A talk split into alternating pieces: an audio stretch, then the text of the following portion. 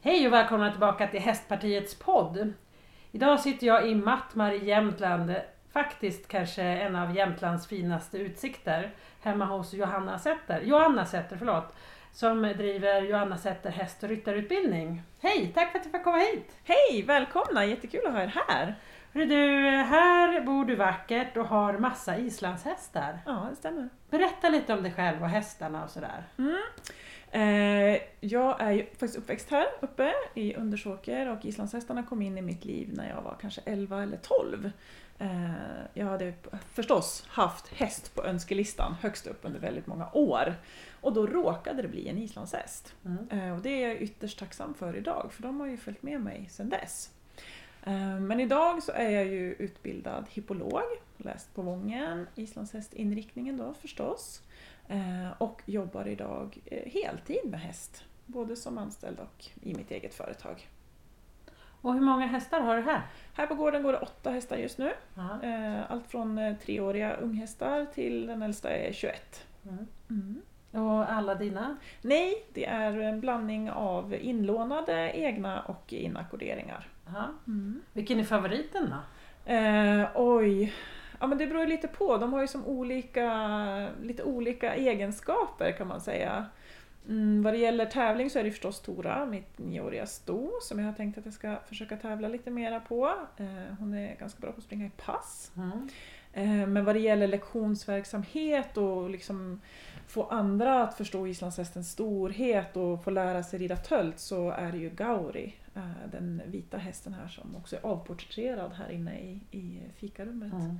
Eh, Han är en fantastisk eh, lektionshäst eh, och berättar också för mig väldigt mycket om ryttaren som ryttaren inte alltid kanske vill veta heller. Eh, han är jätte, jättebra. Eh, och sen har vi Freyr eh, som också är en favorit både hos mig och hos min dotter. Eh, han har också jättetrevliga gångarter och är otroligt godmodig. Och honom håller vi på att lära just nu att eh, man kan rida i bara halsring. Mhm. Så det är också jätte, jätteroligt att, att utveckla den delen. Ja. Så det är svårt att säga en favorit Ja, som du märker. Ja. Men vad skönt att få så många att välja på. ja, det är jättehärligt. Ja. Ja. Men du, hippolog, Mm. det pluggar man ju till på, i tre år. Mm. Men vad gör en hippolog egentligen? Ja, vad gör en hippolog egentligen? Ja. Eh, det som jag tycker är styrkan med hippologutbildningen är att man faktiskt kan jobba med så många olika saker. Eh, Nu har jag läst islandshästinriktningen och då får man också med sig en ridlärarutbildning. Mhm. Så man blir eh, inom Svenska islandshästförbundet och ridlärare level 2. Eh, och man har också möjlighet att göra andra diplomeringar som unghästtränare till exempel, som jag passade på att göra under eh, tiden också. Eh, men sen så lär man sig ju jätte, eh, jättemycket om häst. Alltså man får en väldigt bred utbildning. Man läser hästens biologi och handhavande, där man läser då hur, ja, men hur fungerar hästen, både rent fysiskt eh, men också vad behöver den att äta och varför då. Man får också läsa företagsekonomi så att man kan driva företag direkt när man är färdig. Mm. Eh, Och sen så skriver man ju självklart ett examensarbete så man får ju väldigt mycket vetenskap med sig och hur man ska ha ett vetenskapligt förhållningssätt. Och det tycker jag är, är fantastiskt bra. Mm. Och då jobbar du nu, du jobbar dels på Vången Ja. och sen driver du ditt egna företag. Ja. Och då är du ridlärare bland annat i ditt egna företag. ja. Ja. Hur många är det som kommer hit och rider? Eh, Det är lite blandat men jag skulle säga att jag har ungefär 10 elever i veckan. Mm. Eh, plus minus någon. Och jag vill inte ha så många fler heller. Det kanske låter konstigt men jag vill hellre ha en verksamhet där jag har få elever som jag har liksom en, en bra utbildning med. Mm. Eh, och jag har max två som rider samtidigt. Mm. Eh, och det tycker jag fungerar väldigt bra. Jag har några elever som ja, de har hängt i nästan sedan starten. Mm. Så det är jätte, jätteroligt. Mm. Men det räcker inte med bara hästar. Nu pluggar du vidare för att ge dig på oss ryttare också. Jajamän. Ja, berätta. Ja, men, och det är någonting som har varit med mig faktiskt under hela ridkarriären. Jag är ju utförsåkare, eh, tävlade alpint till jag var 20 ungefär eh, och jobbade sen som skidlärare under många år där man har ett, eh, ett ganska stort tänk på liksom hur, hur skidteknik fungerar. Men vi pratar ju nästan aldrig ridteknik teknik på det viset. Alltså vi pratar inte om hur vi ska träna kroppen riktigt för att kunna utföra våra hjälper Ja. på bästa sätt. Utan det är väldigt stort fokus på hästen. Som tur är så har det ju börjat eh, förändras och de sista tio åren så har ju forskningen på ryttaren ökat. Och det kommer nya studier hela tiden vilket är fantastiskt roligt men vi vet ju alldeles för lite. Mm. Eh, Så därför så eh, har jag liksom gått och så här, ja, men ska jag läsa en master på eh, animal science, ja men då blir det inte bara häst, då blir det även annat. Det finns ingen riktig equine science på magisternivå eller masternivå i Sverige utan då får man söka sig utomlands. Men då när jag upptäckte att det fanns en utbildning då på Mittuniversitetet i Östersund som heter prestationsoptimering med inriktning i elitidrott på Mm. Vintersportcentrum som verkligen var eh, för alla idrotter. Det fanns liksom ingen begränsning. En tjej hon eh, höll på med hundspann, alltså hon var hundspannsförare Mhm. som läste också. Så att det är verkligen, de är superöppna för alla idrotter. Mm. Och ryttare hade de inte mött förut. Så det eh, har varit en fantastisk resa. Och med skidåkningen som bakgrund så var det ju lätt att dra mycket paralleller också. Mm. Så just nu håller jag på och skriver på eh, magisteruppsatsen, då, eller ja, D-nivå. Där jag tittar på islandshästryttare och tölt och ser om ryttarens asymmetrier påverkar tölten någonting. Mm. Så att jag sitter just nu med sista, sista här. Ja, det Eh, var spännande. Mm. Så när du har skrivit färdigt den, då har du liksom din master i... Då har jag en master, Ja. det stämmer. Vad fränt. I idrottsvetenskap. Ja. Då. Mm. Men hur ofta är det som att du jobbar mycket med ryttarens eh, sits och... och Alltså, jag skulle nästan säga att det är 90% av det Mm. jag undervisar så är det faktiskt på ryttaren. Ehm, därför att hamnar ryttaren i egen balans och egen bärighet så har vi så mycket lättare att kommunicera med hästen. Men vi har oftast fått lära oss att sitta på ett sätt som kanske inte alltid gynnar hästen. Eh, tyvärr. Det finns en massa sådana eh, instruktioner som man gärna slänger sig med av olika anledningar men som tyvärr ger effekter i sitsen som, som inte gynnar hästen. Och det blir väldigt tydligt när det kommer till tölt eh, att vi behöver verkligen vara i egen bärighet för att hästen ska kunna tölta rent utan att vi behöver bära fram den. Så det är jätteroligt. Är det stor skillnad i sitsen? Eh, eller ja, det är klart att det inte är skillnad, men eh, ser du också de här eh, eh, om man rider på en annan häst än en islänning? Alltså, Ja, alltså om man säger så här, målet är exakt detsamma. Det Mm. spelar ingen roll vilken häst du sitter på så är den lodräta sitsen, eh, den ska vara i egen bärighet Mm. oavsett ras eh, eller disciplin. Mm, men sitsproblemen är ungefär de samma. mm. Ja, det skulle jag säga. Och en del kommer av felaktiga instruktioner men en del kommer av att man inte är tillräckligt eh, stark och inte har tillräcklig egen kroppskontroll helt Mm. enkelt. Utan man låter hästen bära upp oss. Men eh, skulle du, om du nu ska ge ett tips till de som lyssnar, hur, Mm. ungefär hur mycket skulle man som ryttare behöva träna på gym? För, att- och vad, vad är det viktigaste om man nu eh, verkligen masar sig iväg? Vad, vad man ska man fokusera på? Ja, alltså jag tror ju så här att så länge vi inte vet mer specifikt så är en grundfysik det absolut bästa. En, ett grundflås där man liksom ändå kan, ja men säg att du kanske i alla fall har som mål att kunna jogga fem kilometer. Det Mm. tänker jag är en ganska bra grundfysik, Mm. om man kan komma dit. Eh, och sen att man har en, en bålstabilitet att man tränar sin core. Mm. Eh, Och det behöver inte betyda att man, att man måste liksom göra någon maxträning men att man har en, en core, en bålstabilitet och en liksidighet. Att jag kan Mm. göra likadant med höger och vänster. Mm. Och det finns ju ganska enkla träningsprogram som man faktiskt kan göra. Ibland kan det räcka med fem minuter. eh, Men att man gör det ofta, upprepande. Liksom. Mm. Mm. Så jag tror inte man behöver lägga så mycket tid, för tid har vi ju sällan. Ja. Framförallt vi som håller på med hästar. Jag tror, och det är väl också mitt mål att se vad är det vi behöver göra och hur kan jag lägga in det i min vardag. Mm. Och det är därför som vi då här uppe på stallet håller på och gör ett gym.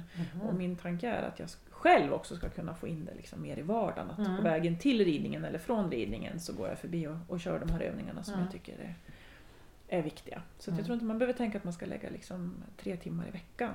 Utan ja, Få in lite få in det, övningar. lite övningar. Mm. Ja, det tror jag. Ja, häftigt. Mm. Ja, men då lägger du ner ganska mycket tid på att utbilda dig och utbilda dig vidare. Mm. Eh, det är ju eh, ändå tänker jag eh, när man ska ge sig på, ge sig på låter hemskt, men när du då säger till en ryttare att de sitter fel eller gör fel, Ja. hur bemöts du då? Alltså, blir de arga på dig eller? Det är faktiskt lite olika, men då har vi ju... ehm, när jag märker att jag möts av ett motstånd, för ofta så ser jag ju och jag vet att kan jag fixa det här så kommer vi också få ett resultat i hästen. Alltså hästen kommer att ge en feedback till den här ryttaren att det här faktiskt är rätt. Eh, Det kommer att bli mycket lättare i handen eller det kommer att gå renare i takten eller vad det nu kan vara. Det kommer att gå lättare att svänga till och med kan det Mm. vara. Eh, Men om, om jag då möts av ett motstånd då brukar jag faktiskt ta fram telefonen och så brukar jag fråga får jag filma lite och så kan Mm. jag visa. Mm. Därför att vi känner inte själva när vi sitter snett. Nej. Utan vi har någon slags inbyggd eh, system i kroppen som gör att om bara ögonen är i, i lod så, så är det inte säkert vi känner att vi sitter snett. Eh, och då, ja, då börjar man få den där visuella feedbacken helt enkelt. Jag tror att mina elever har lärt sig också att det, det lönar sig att lyssna. Liksom. Ja. det är bra, de åter, återkommer. ja, det gör de. Ja, men du driver ju företag Mm. och ni har ju precis byggt det här fantastiska stallet och vi sitter här nu i, i fikarummet som är tre meter i tak och kristallkrona. Varför har du kristallkrona här inne? Ja, varför har jag kristallkrona? Helt enkelt för att jag har inte tre meter i tak någon annanstans och kommer antagligen inte ha det och då tänkte jag att då ska jag faktiskt ha en kristallkrona. Ja, så därför så hänger den här. Ja. Det är ditt ego. Ja, det är mitt ego. Ja. Eh, Och det är ju inte så ofta man har så mycket ego inom hästnäringen tänker jag. Man Mm. möts i ridhus där det inte finns omklädningsrum, Mm. det finns knappt toaletter. Mm. Eh, men du tycker man borde lägga lite mer tid på sig själv? Ja, men och det är väl därför som jag har byggt stallet som jag har gjort, där jag har lagt fokus på faktiskt eh, interaktionsdelen mellan häst och människa, kanske man kan kalla det. Eh, I vanliga fall när man kommer till ett stall så är det en liten trång sadelkammare och det finns massor med boxar och så får man stå på stallgången i kylan och göra i ordning hästen. Och här uppe där vi har ju kallt ganska många månader per år så eh, tycker jag att ja, men det ska ju vara trevligt när man trevligt och en bra arbetsmiljö när man jobbar med hästen. Även om jag rider och tränar mina hästar ute så vill jag kunna ta av mig jackan och handskarna när jag, när jag gör i ordning.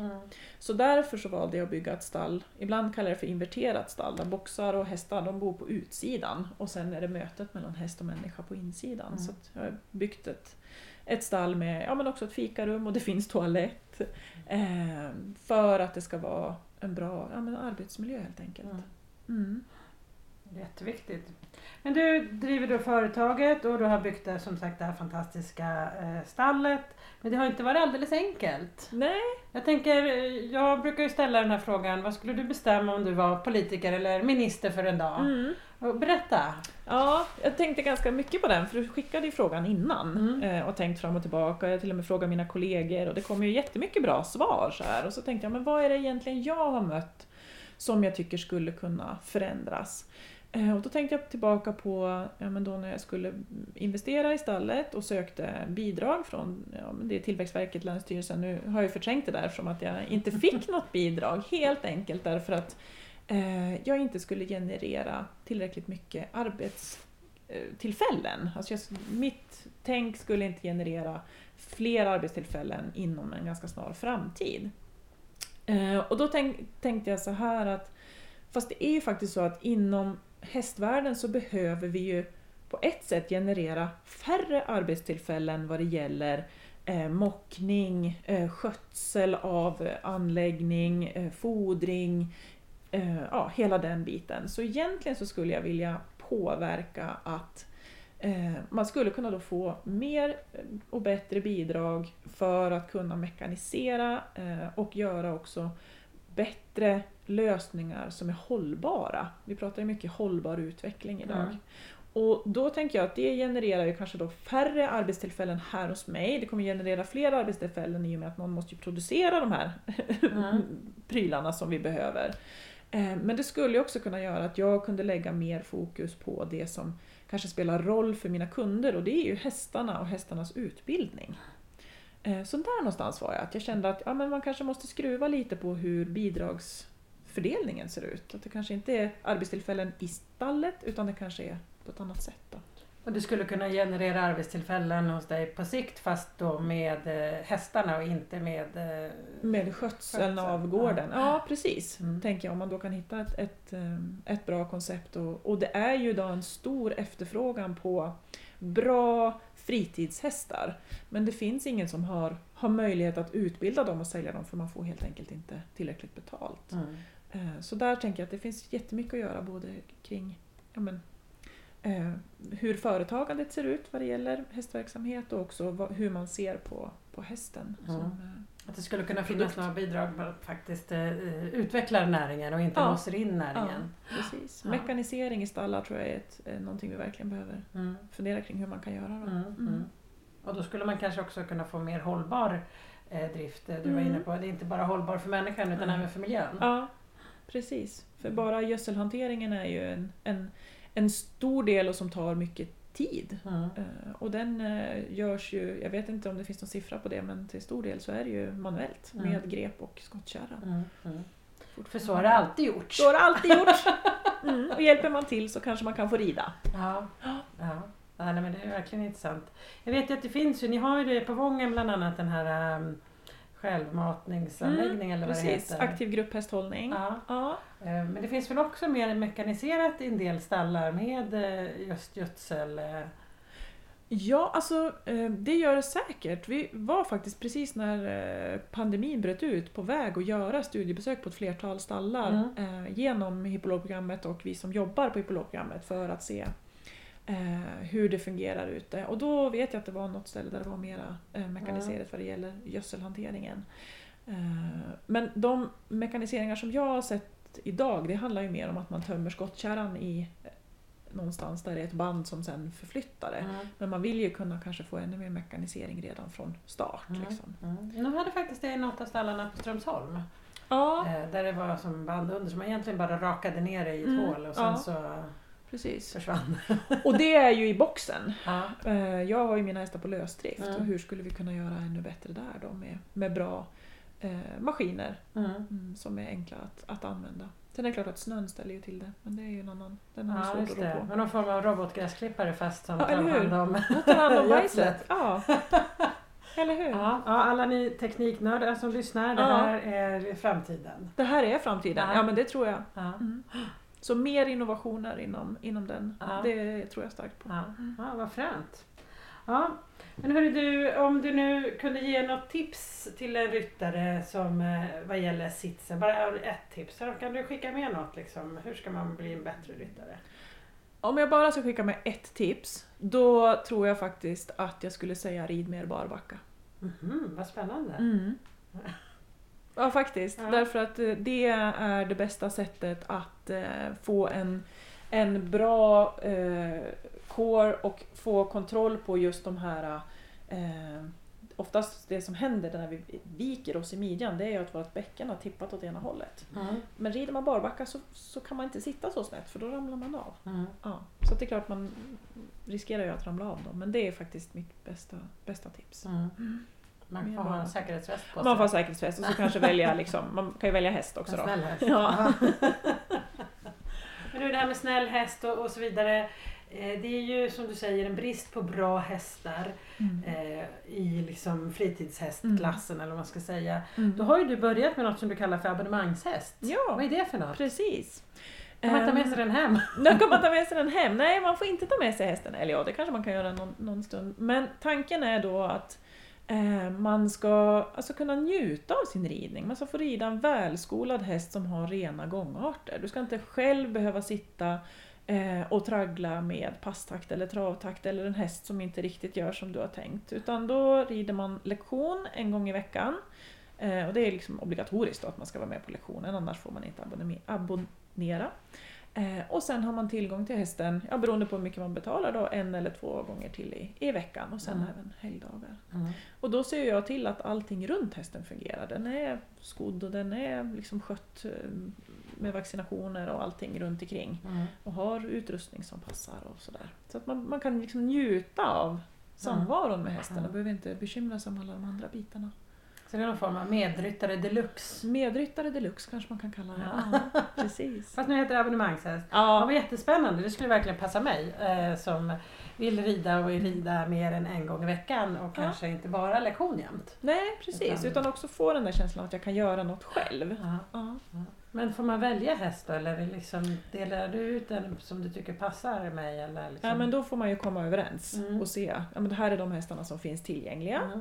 Eh, och är det någon man, man faller för då, då, är det ju, Mm. då kör man på det. Mm. Och det, jag ser ju till att det är hästar som, som verkligen fungerar för ändamålet Mm. förstås. Mm. Eh, och sen behöver man ju kanske ha något års ridvana innan man, man Ja. eh, hoppar på en sån här Mm. grej. Då. Men när man går i tanken att ah, jag skulle nog vilja köpa en egen häst. Mm. Eh, och att slippa då hela karusellen. Mm. Utan man kan få det, det götta. Ja, precis. Mm. Det är många som köper hästar och man importerar hästar. Man importerar hästar från Island, det är lite speciellt. Man får inte lämna tillbaka dem till Nej. Island. De har en häst lämnat Island eh, så får den aldrig komma tillbaka. Och det är ju faktiskt någonting som de beslutade redan för tusen år sedan. Det Mm. tycker jag är lite imponerande. Man förstod eh, värdet av att ha den här renrasiga hästen. Mm. Eh, och det är ju samma sak med, har man med sig utrustning när man kommer dit så ska ju den vara desinficerad och så vidare. Mm. Men det märks att det kryper ju in eh, sjukdomar. Jaha. Bara för, um, ja, nu kommer jag inte ihåg hur länge sedan är, men kan det vara tio år sedan så fick man ju hosta på Island på hästarna. Som hade kommit med någon och man lyckades faktiskt hitta vem det var som hade fått med sig hostan. Jaså? Men den spred sig ju som en löpeld. Mm. Eh, så Vad hände ju- med den som hade... Jag kommer inte ihåg. Nej, jag kommer inte ihåg. Men det är ju ett brott. Ja. Det är det. Mm. Och med ökad turism och så vidare. Ja. Eh, Så det är klart att det blir ju eh, vanskligare då. Ja. Men ett sätt är ju att hästarna får aldrig komma tillbaka. Men alltså då måste du åka de båt hit eller flyger de? Eller Nej, de flyger. Ja. De åkte båt. Min första islandshäst han hade åkt båt till Sverige. Ja. Det tog två veckor. Eh, Det var på slutet på 80-talet och då kom de fortfarande med båt. Men numera kommer de med flyg och det går flera flyg per år. Eh, Det kommer jättemycket hästar nu. Jaha. Eh, Och framförallt i och med, med pandemin så är det många som, som väljer att skaffa häst. Ja. Så det säljs hästar som aldrig förr. Vad kostar det att transportera en häst från Island? Det kostar ungefär, åh, nu, kommer jag, nu gjorde jag det här för bara två år sedan men jag kommer inte riktigt ihåg. Men eh, det landar någonstans på 15-20 tusen. Ja. Eh, och sen är det också då, eh, betalar man ju moms när de kommer till Sverige. Ja. Så det är klart att det man får ju lägga på, på priset. Ja. Helt klart. Eh, men det kan vara värt det. Mm. Det Mm. kan det vara. Är det många tror du så? Du har ju varit där och tittat Mm. på din senaste, eh, ditt senaste tillskott. Eh, men är det många som köper utan att vara där? Jag tror det är ganska ovanligt att man liksom beställer som postorderhäst. Men det vet jag folk som har gjort. Mm. Eh, att man, man ser den och man eh, ser den på film och man pratar med den som säljer och sen köper man den. Det, det har absolut hänt och jag, Mm. många gånger har det också varit väldigt, väldigt bra. Mm. Men det finns ju eh, några stycken i Sverige som importerar för att sälja. Så då Okej. kan man ju, om man vill, absolut vill ha en häst som är född på Island så kan man ju åka till dem då Mm. Och prova. De kan säkert också hitta häst på Island som de tar hem och om den då inte passar så kan de sälja till någon annan. Varför vill man ha en häst ifrån Island om det finns i Sverige? Det är ju fortfarande lite annorlunda hur de växer upp, Mm. eh, tänker jag. Och de har kanske... Eh, jag vet inte riktigt hur jag ska uttrycka det, men oftast kanske de har lite mera framåtanda, är fortfarande lite mera häst. Sen finns det jättemånga bra uppfödare i Sverige, det, Mm. det ska man inte sticka under stol med. Det finns jättemycket bra häst i Sverige, men jag tror att det lockar för många att veta att hästen har liksom Mm. sprungit på de vidderna Ja, på Island. Ja, Ja. Men du har importerat en hingst, har du tänkt att ha honom i avel? det får vi se. Ja. Ja, han, ska... Jag, eh, han ska först och främst eh, växa på sig lite och sen får vi se och då ska han ju förstås visas först. Men eh, mest troligt så blir han vallack Mm. eh, och tävlingshäst. Mm. Mm. Men han, han får vara hingst ett liten, en liten stund till. Ja. Får man inte tävla hingstar? Jo, absolut. Ja. Men det är mycket enklare att ha en vallack. Ja. Då slipper han gå själv. Mm. Spännande. Mm. Ja. Om vi nu tänker så att någon är intresserad här, gissar jag att det är, om man vill veta mer om Johanna Setter och häst och ryttarutbildning, Mm. har du någon he- hemsida eller Facebook-sida? Eller? Både och. Ja. Och Instagram. Så Aha. det, jag tror att det går att googla på Joanna Setter. Det finns eh, ingen fler Nej. i Sverige. det finns en Johanna Setter, så googla Jaha. på Joanna Setter. Ja. Ja. Eh, Så hittar man mig både på Ja. eh, Facebook och Instagram och, och hemsida. Ja. Men Mm. åker du även iväg och ger lektioner? Ja, det kan jag göra. Ja. Absolut. Gör du även eh, roadtrips utanför Jämtland? Ja, det kan jag göra. Nu har det inte blivit på grund av Corona, men det gör jag jättegärna. Mm. Mm. Spännande! Ja. ja. Vilket roligt jobb! Ja, men jätteroligt. Och nu har vi fått lära oss massor om vad en hippolog gör och kan Ja. göra. Mm. Om att man även kan läsa vidare. Mm. Och att utbildningen borde löna sig. Man Mm. borde kunna jobba mer med innovation. Mm. Ja, vad härligt! Då får jag tacka för idag. Tack Tack. själv! Tack för att du kom hit. Ja, det var så Och till er andra som lyssnar så håll utkik. Nästa vecka kommer ett nytt avsnitt av Hästpartiets podd. Ha det gott! Hej då!